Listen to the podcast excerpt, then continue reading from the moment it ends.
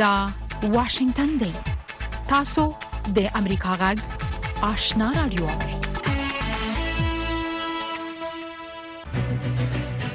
قدرمن اوریدونکو السلام علیکم زه شافیا سردار یم دا د امریکا غږ آشنا رادیو خبرونه پیل شوه لومړی به خبرونه واوري السلام علیکم درنو اوریدونکو تاسو ته د وخت خبرونه اوري یو شمېر مدني فعالانو د معترضو خزوټلو ځینې سیاسي جریانونو او بهرنیو هوادونو کې مشتو افغان کارپوهانو د ملګری ملتونو د ځانګړي همغږي کوونکو او خپلواک ارزون رپورت ته خبرګون کې ویلي چې په دغه رپورت کې د طالبانو تر واک لاندې د افغانستان اوسنی واقعیتونه نه دي منعکس شوي دغه افغان فعالانو د ملګرو ملتونو عمومي منشي انټونیو ګوتریس ته په جلا سر خلاصو لیکونو کې چې د ټولنیزو شبکو لاري خبره کړې ادعا کړې چې د افغانستان په چارو کې د ملګرو ملتونو د ځانګړي همغږي کونکي او خپلواک ارزونکي فریدون هادي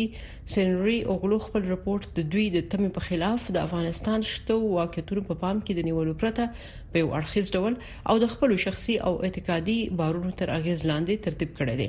په دې لیکونو کې ویل شوی چې په دې رپورت کې د ټولو جنایاتو او پیښو څخه چې د ملګرو ملتونو عمومي منشي او د امنیت شورا نور غړو ته لکه مر هغه سي سرګندې سترګې پټې شوې دي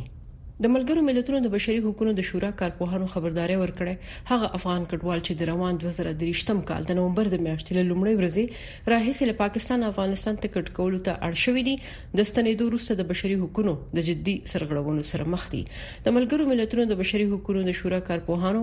د چهارشنبه په ورځ په اعلامیه کې ویلي چې خزي جونې د کاچاک قربانيان قومي او مذهبي اقلیتونه په خواني حکومت مقامات معلولیت لرونکي کسان زیات عمر لرونکي کسان او نور کډوال چې د کډوالۍ اسناد لري او کنه تر زیات اغیز لاندې راغلي دغه کارپوهانو ویل افغانان په ځانګړي ډول ښځې او جونې په هیواد کې د میشتیدو په مهال د قاچاق او یا هم د بیا قاچاق د واغ سره مخ دي د مذهبي او قومي اقلیتونو پوري اړوند کسان په ځانګړي ډول د ستنیدو په مهال د زورونې د غواغ سره مخ دي دغه کارپوهانو د پاکستان حکومت خبرداري ورکو چې قانوني اسناد نه لرونکو افغان کډوالو د ستونزو طرح چې د 13 نومبر د میاشتې لومړۍ نیټه سره پرې عمل پیل شوی کېدای شي عملی نشي ځکه چې دغه کارپوهانو په باور دا طرح د افغانانو خوندیتوب او امنیت نشي تضمینولای په ملګرو ملتونو کې د افغانستان د استازولۍ سرپرست نصیر احمد فائق په افغانستان کې د طالبانو د ظالمانه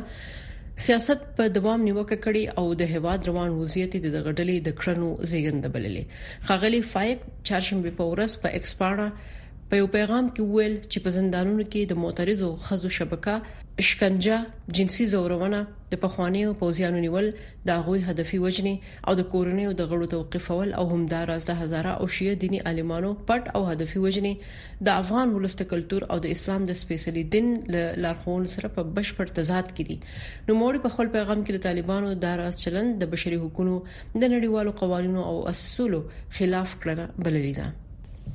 د پښتون ژغورنې غورځنګ نیول شوی مشر منظور پښتین پرون پنځشنبه پاکستان په پلازمینه اسلام آباد کې د ترګرۍ ضد محکمې ته وړاندې کړی شو او د لا نورو عدلی پلټنو لپاره پولیس ته سپارل دی په کوټه کې د غورځنګ یو فعال د امریکا غږ سره په خبرو کې ویل چې محکمې د دوی مشر منظور پښتین د وو ورځ لپاره پولیس ته سپارل دی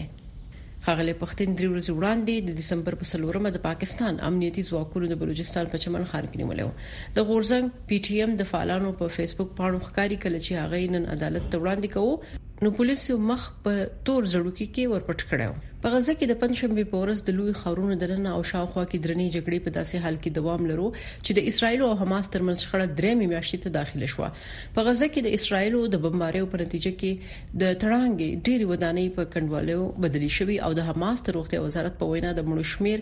د 14200 اوخته دي اسرایلی ځواکونو د اکتوبر په 2 په غزه کې بمباري او ځمکني عملیات وروسته له هغه پیل کړل چې د حماس وسلوالو په اسرایل کې په یو ناڅاپي برید کې د اسرایلی چارواکو په وینا 1200 کسان وژل او 200 سلويخي ارغمل کړل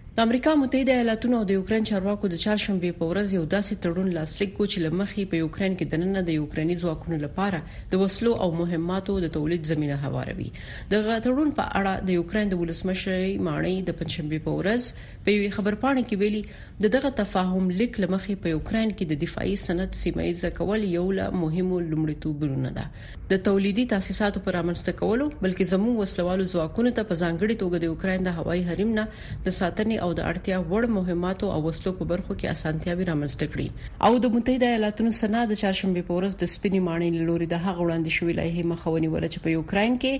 او اسرایل ته میلیارډونه ډالر نوي امنیتي مرستې غوښتل شوې دي جمهوریت غوښتونکو سناتورانو په همدې حال کې له مکسیکو سره په سرحد کې د مهاجرت د کنټرول لپاره د سختو اقداماتو په اړه په خپل غوښتنو ټینګار وکړو قدر منو اوریدونکو داو د دې وخت خبرونه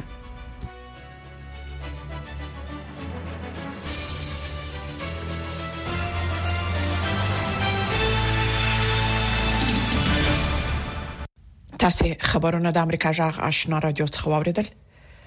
درنو اوریدونکو زموږ په دې سهارنۍ پښتو خبرونه کې د افغانستان سیمه او نړۍ د اوسنوي حالات په اړه کې مهم مطالب او مرکې لرو هله د خبرونه تر پای ووري ملګری ملتونه وایي چې له پاکستان څخه یو شمیر سنیدونکو افغانان د بشري حقوقو لجدي سرغړونو سره مخ دي د یاد سازمان د بشري حقونو شورا په یوې اعلامیه کې ویلي چې د شوزو او جنو په ګډون د پخوانی حکومت کارکونکو او نور ډیر کسان چې له پاکستانه استل کیږي په افغانستان کې د مشکېدو پر مهال د بیلا بیلو غواښونو سره مخ دي د طالبانو حکومت که څه هم تر اوسه په دې اړه خبرګون نه دی شودلی خو تر دې مخکې ویلي چې ستنیدونکو کډوالو ته تر خپل واسه پورې امکانات برابروي نور حال په دې رپورت کې واوري د ملګرو ملتونو د بشري حقوقو شورا د چهارشنبه په ماخام په ویل امیه کې ویلي چې خځې انجونې د قاچاق قربانيان قومي او مذهبي اقلیتونه د پخوانی حکومت مقامات معلولین او د پاخه عمر کسان د بشري حقوقو له جدي سرغړونو سره مخ دي د ملګرو ملتونو کارپوهانو زیاته کړې هغه خزې وینجونی چې افغانستان ته ستنول کیږي په واړه سن کې د ودونو په جبري ډول د ودونو انساني قاچاق د زده کړو د تګ راتګ د ازادۍ او په مساوي شکل د قانوني ملاتړ د نه برابرېدو لګوخونو سره مخ دي دغه کارپوهانو د نړیوالې ټولنې غوښتي دي چې په پا پاکستان کې د افغان کډوالو څخه د بیا مشت کېدو د کورنیو د یو ځای کېدو او د فرصتونو په زیاتېدو سره خپل ملاتړ زیات کړي زه او نور کارپوهان د پاکستان څخه غواړو چې له افغانانو څخه د خپل مهم ملاتړ ته دوام ورکړي موږ په دغه هیواد کې د اوسنی چلند او کله چې کډوال په جبري توګه استول کیږي د هغوی په وړاندې د ګواښونو په اړه اندېښمن یو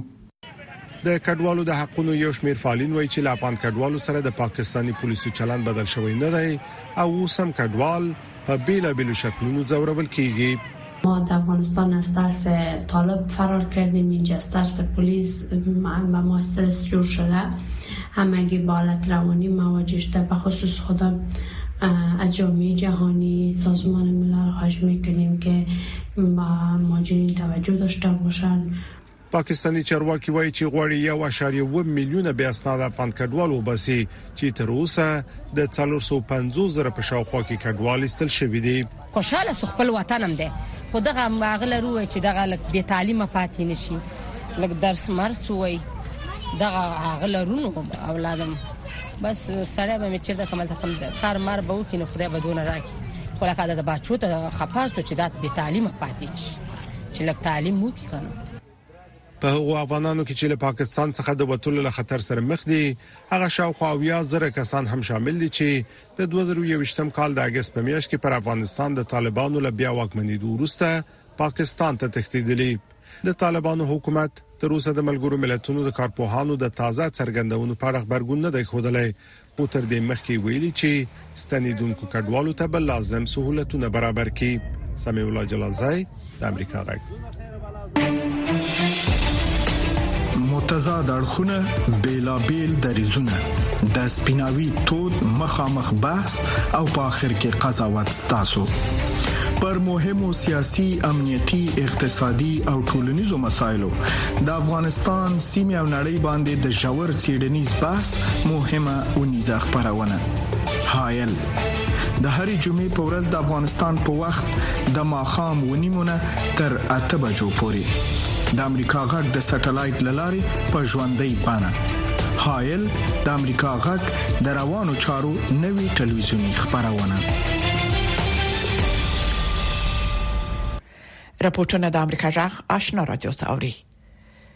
د متحده ایالاتو سنا د چهارشنبه په ورځ د سپینې ماڼۍ لخوا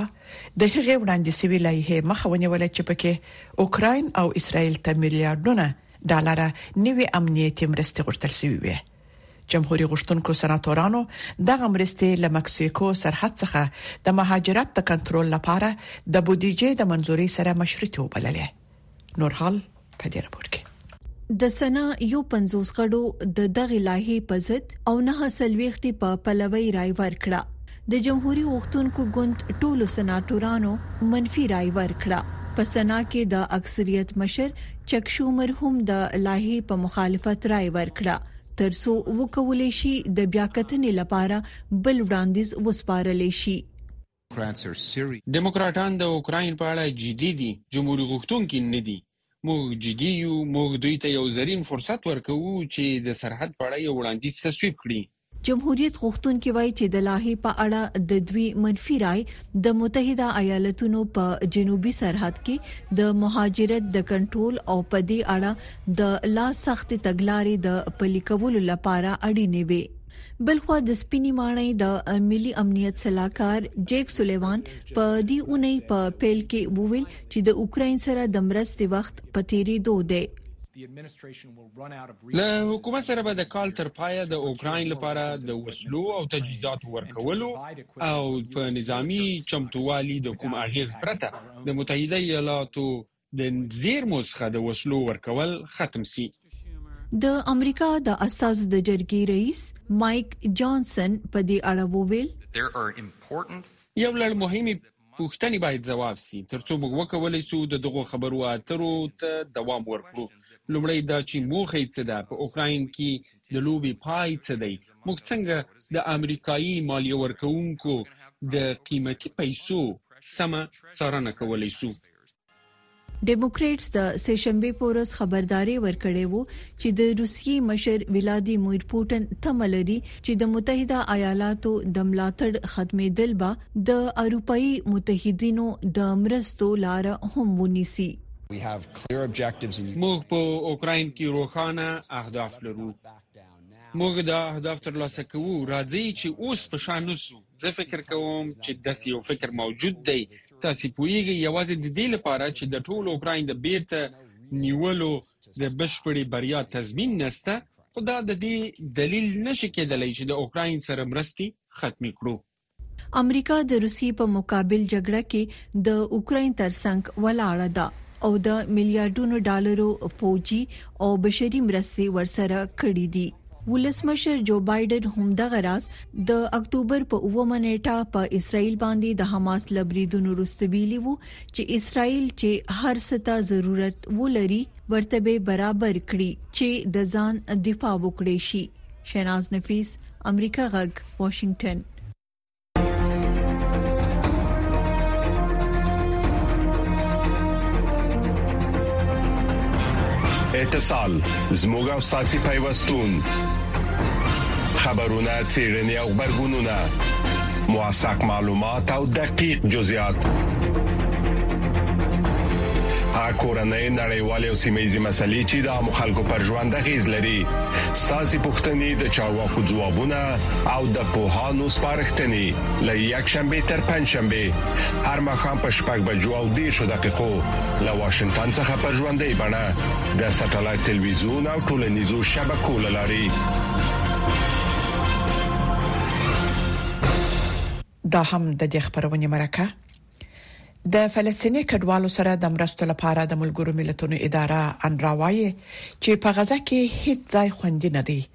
د دغې ادارې ویاندې جولیت توما د امریکا جغ سره په یو ځانګړي مرکه کې وویل چې تیر اونۍ غزه ته د سفر په وخت کې ولیدل چې په جنوب کې هم بمباری روان دي او تاییدوي چې د ملګرو ملتونو یو سلو دیش همکاران وژل شوی دي زموږ همکاري نظرانه یوسفزۍ د جولیت توما سره مرکه کړې ده په غزه کې د ایسارو خلکو ژوند څنګه دی تاسو څه ولیدل؟ زه له دې نه مخکې هلته په غزه کې وم چې جګړه ودرېده او اوس بیا وضعیت بیرته هغه شان شو په دې واشیانه جګړه کې د ورځې او شپې په اوګدو کې ډېری سختي او پرلپسې بمبارۍ روانې دي ډېر خلک بې ځای شوي دي ما د سرپناه څخه لیدنه وکړه چیرې چې خلک په حقیقت کې یو بل د پاسه پراته وو ځینې په دې ورستیو کې راوتلي دي او هغه کسان چې د اوسېدو ځای نه درلودنو اوس په ځمکه پرته د کوم سیوري پراته دي هلته خوراک ډیر کم او به هم نه وي د روغتیا حالت ډیر سخت او دا زه د خان یونس خبره کوم چیرته چې د جمعې د سهار رئیسې بمباریو زور اخیستې دي تاسو د خان یونس د وضعیت د خرابېدو یادونه وکړه. دا باید خوندي ځای وي، ځکه چې له خلکو غوښتل شوي وو چې سویلي سیمو ته لاړ شي. نو تاسو وضعیت څنګه ګورئ؟ هغه وخت چې جګړه پیل شوه، موږ په وار وار ویلي او پیل مو کړي چې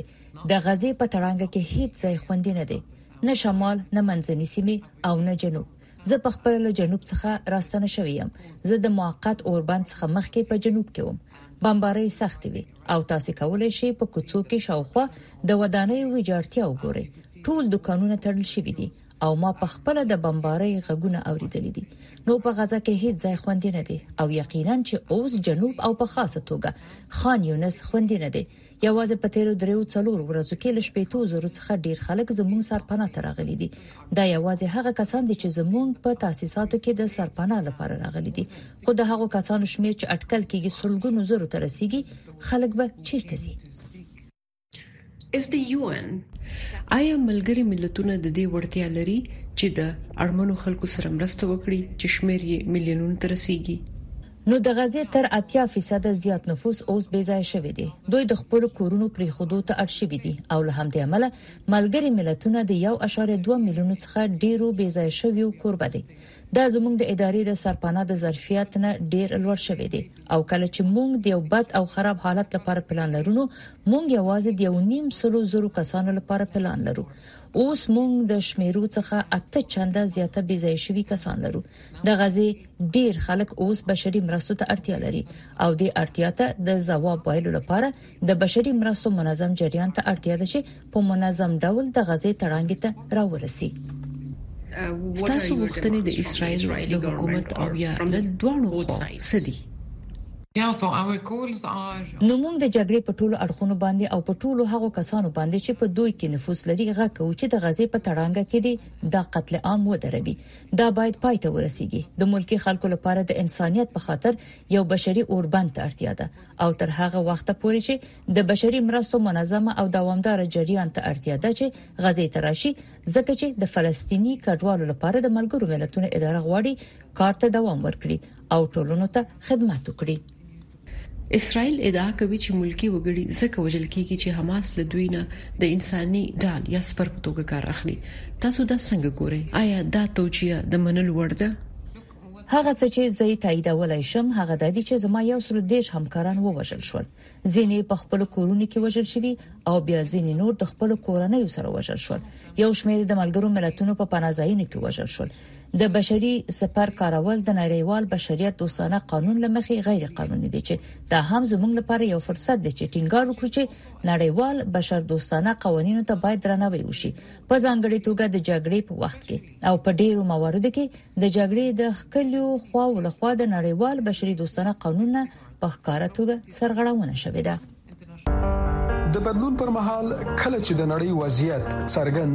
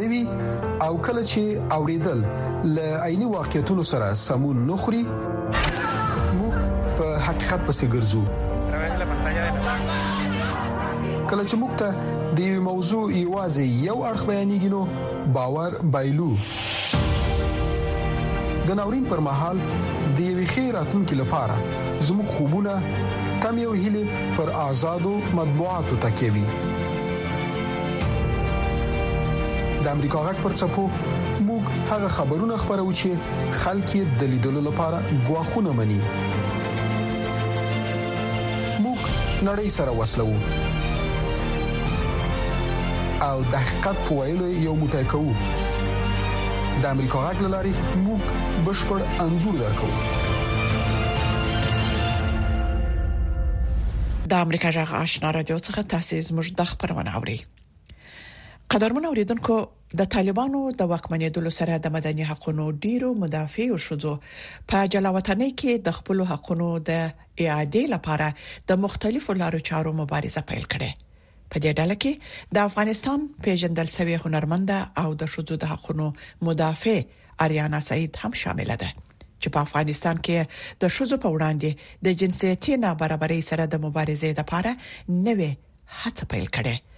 نوشابه آشنا دغه غونډه ته ورغلې و او تفصیل یې پر پورت کې اوري د افغانستان محکومو انجونو او خزو زه تاسو سره یم غلی نه یو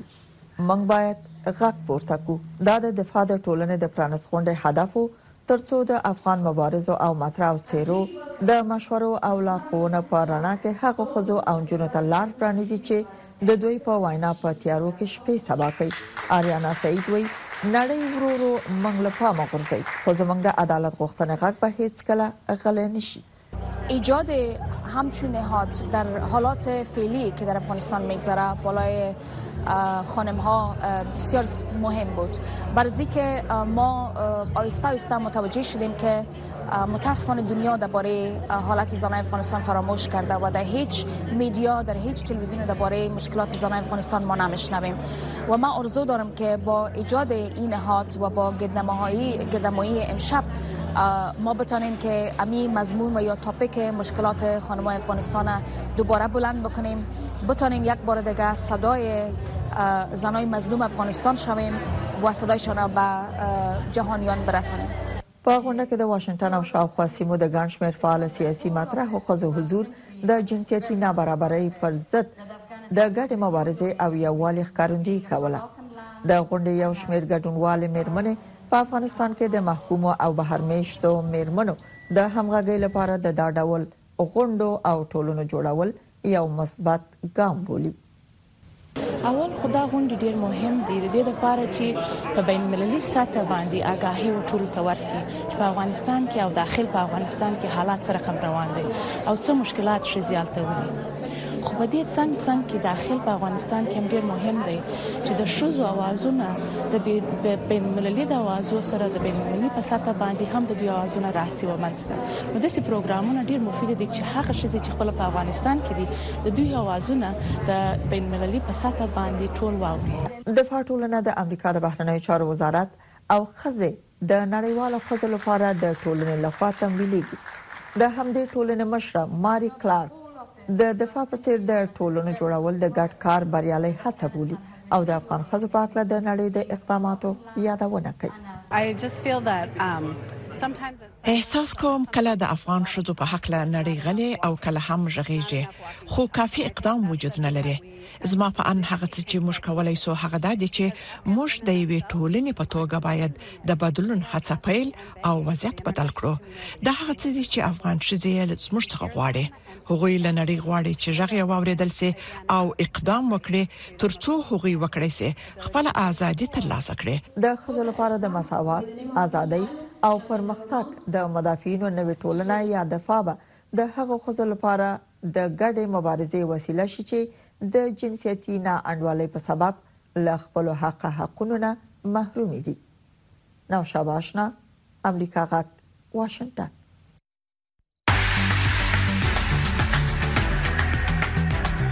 طالبانو د افغانستان له دننه د امریکا غاک راډیو خبرونه درولې دي خو امریکا غاک په پوره شمنتیا خپل افغان اوریدونکو ته په پښتو او دری ژبه د کاره باوري او هر اړخیزو خبرونو په خبرولو د افغانستان له بهره پر 902 کیلو هرتز منځنوي سپو خپل خبرونه ته دوام ورکړي د دې ترڅنګ تاسو کولی شئ چې زموږ پښتو خبرونه په لاندو چپو هم واورئ پښتو سهارنې خبری خبرونه پر وزارت 290.0 چپو اوریدل شي ما خبرنې پښتو خبرونه په 2140.0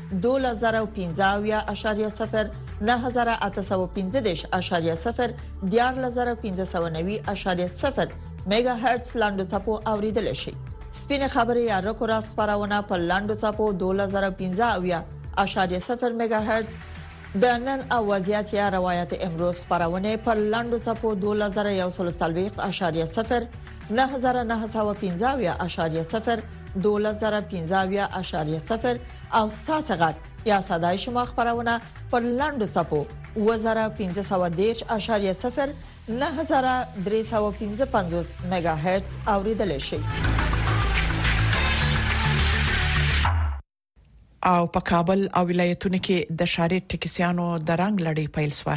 طالب چارواکي وايي، د رنګ لګښت تر ډېره کم او د ټکسي موټروانان به دا لګښت خپله کوي. د بلې خوا که څه هم د ټکسي موټروانان او شنونکي د شارې ټکسیانو د نظم او سمون لړۍ ته خوښ دي، خو وايي چې افغانستان په ښه اقتصادي حالت کې نه دی. طالبان باید په دې برخه کې د ټکسي چلوونکو سره مرسته وکړي نور حال پر رپورت کې ووري د کابل د ترافیکو ریاست چارواکي وایي چې د ټکسیانو مشخص رنګولو څخه یې موخه د ښار ښکلا نظم او د امنیت تامین دی دغه چارواکي وایي چې د ټکسي د رنګ پروسه د تیر په پرتله ارزانه او تر ډیره د ټکسي چلوونکو سره مرسته شوې او د نوی نه چهکار ته وی هغه مخصوصا په اطرافي لاینو کې هغه کول شي ځکه موټران زړه دي د استهلاک د استهلاک دی واجه چې ترڅو نه ورکوو او بل خبره دی په نورمال شکل سره څنګه اسناد اړول کیږي شل 15 زره افغانۍ د اسنادي مصارف پیرازي او د رنگ په حساب باندې چې موږ مخکې یادواري وکړله یعنی د 14000 14000 10000 په نسبت باندې موږ 9110 افغانۍ دغه د لپاره په نظر کې نیولې بل لور ته که څه هم د ټکسي چلوونکي د رنګ دې لړۍ ته خوشاله دي خو د دوی په خبره چې یوازې د رنګ لګښت تر شل زره افغانیو پورته دی دغه ټکسي چلوونکي له طالبانو غواړي چې یوازې باید ټکسي موټرانو ته اجازه ورکړي ترڅو خلک په کرایه له یو ځای تر بل ځای ورسوي ولا مجبوره ده نو قانون د قانون چې دغه شنو مجبوره دغه د پاره بدن برابرې نو مجبوره ما خپل اعلان چې وکړ ما سره په یو روپې نه ولا نو ټول مې راکړت کړي دي مصرف کړي مې دي ځکه چې قانون تطبیق سي قانون خدا خدای مهربانه دې سره به خار نه دمن برابر شي کنه اوس خو ډیره زیاته بنسبی ده په خار کې یو شل زر روپۍ په دې رنګ باندې خرچه راغله او خوشاله ډیر خوشاله په دې سه مخکې شخصي وو او ټکسي سو قانوني موټر سو ان شاء الله نه به خلکو سره مشکل نه به ترافیک سره مشکل ته مخامخ کیږو ان شاء الله بل لور ته شرونکي د افغانستان اوسنۍ اقتصادي حالت ناوړه یادوي د دوی په خبره چې طالبان باید د ټکسیانو د رنګولو په دغه لړۍ کې د موټروانانو اقتصادي حالت له پامه ونه غورځوي. د افغانستان سرپرست حکومت د ترافیک عمومي مدیریت له لوري د ټیکسیوالانو لپاره د نوو قوانینو او طرفو وضع کول د افغانستان په فعلي بحراني اقتصادي حالت کې زه مناسب او اړ نه بولم، ځکه ټیکسیوالان دغه پیسې چې باید د خپلو ټیکسیو د رنګونو بدلولو او د امارت د اصولو سره برابرولو لپاره باید تحویل کړي، نه لري او نه شي کولای دا په نږدې موده کې د خپلې ټیکسي یا کاروبار له لارې ترلاسه کړي. که څه هم د ټکسي اوسنی رنګ تر ډیره د قطر د ټکسي موټرانو په څیر دی، خو طالب چارواکي وایي چې د دغه رنګ ټاکنه د اوسني عصر سره سم او په رواني لحاظ اسماني رنګ د انسان پر روان ښه لګیږي. په افغانستان کې د ټکسیانو د شمیر په اړه دقیق ارقام وجود نه لري. خود دا چې د رنګ دغه لړۍ به بریالۍ شي که نه،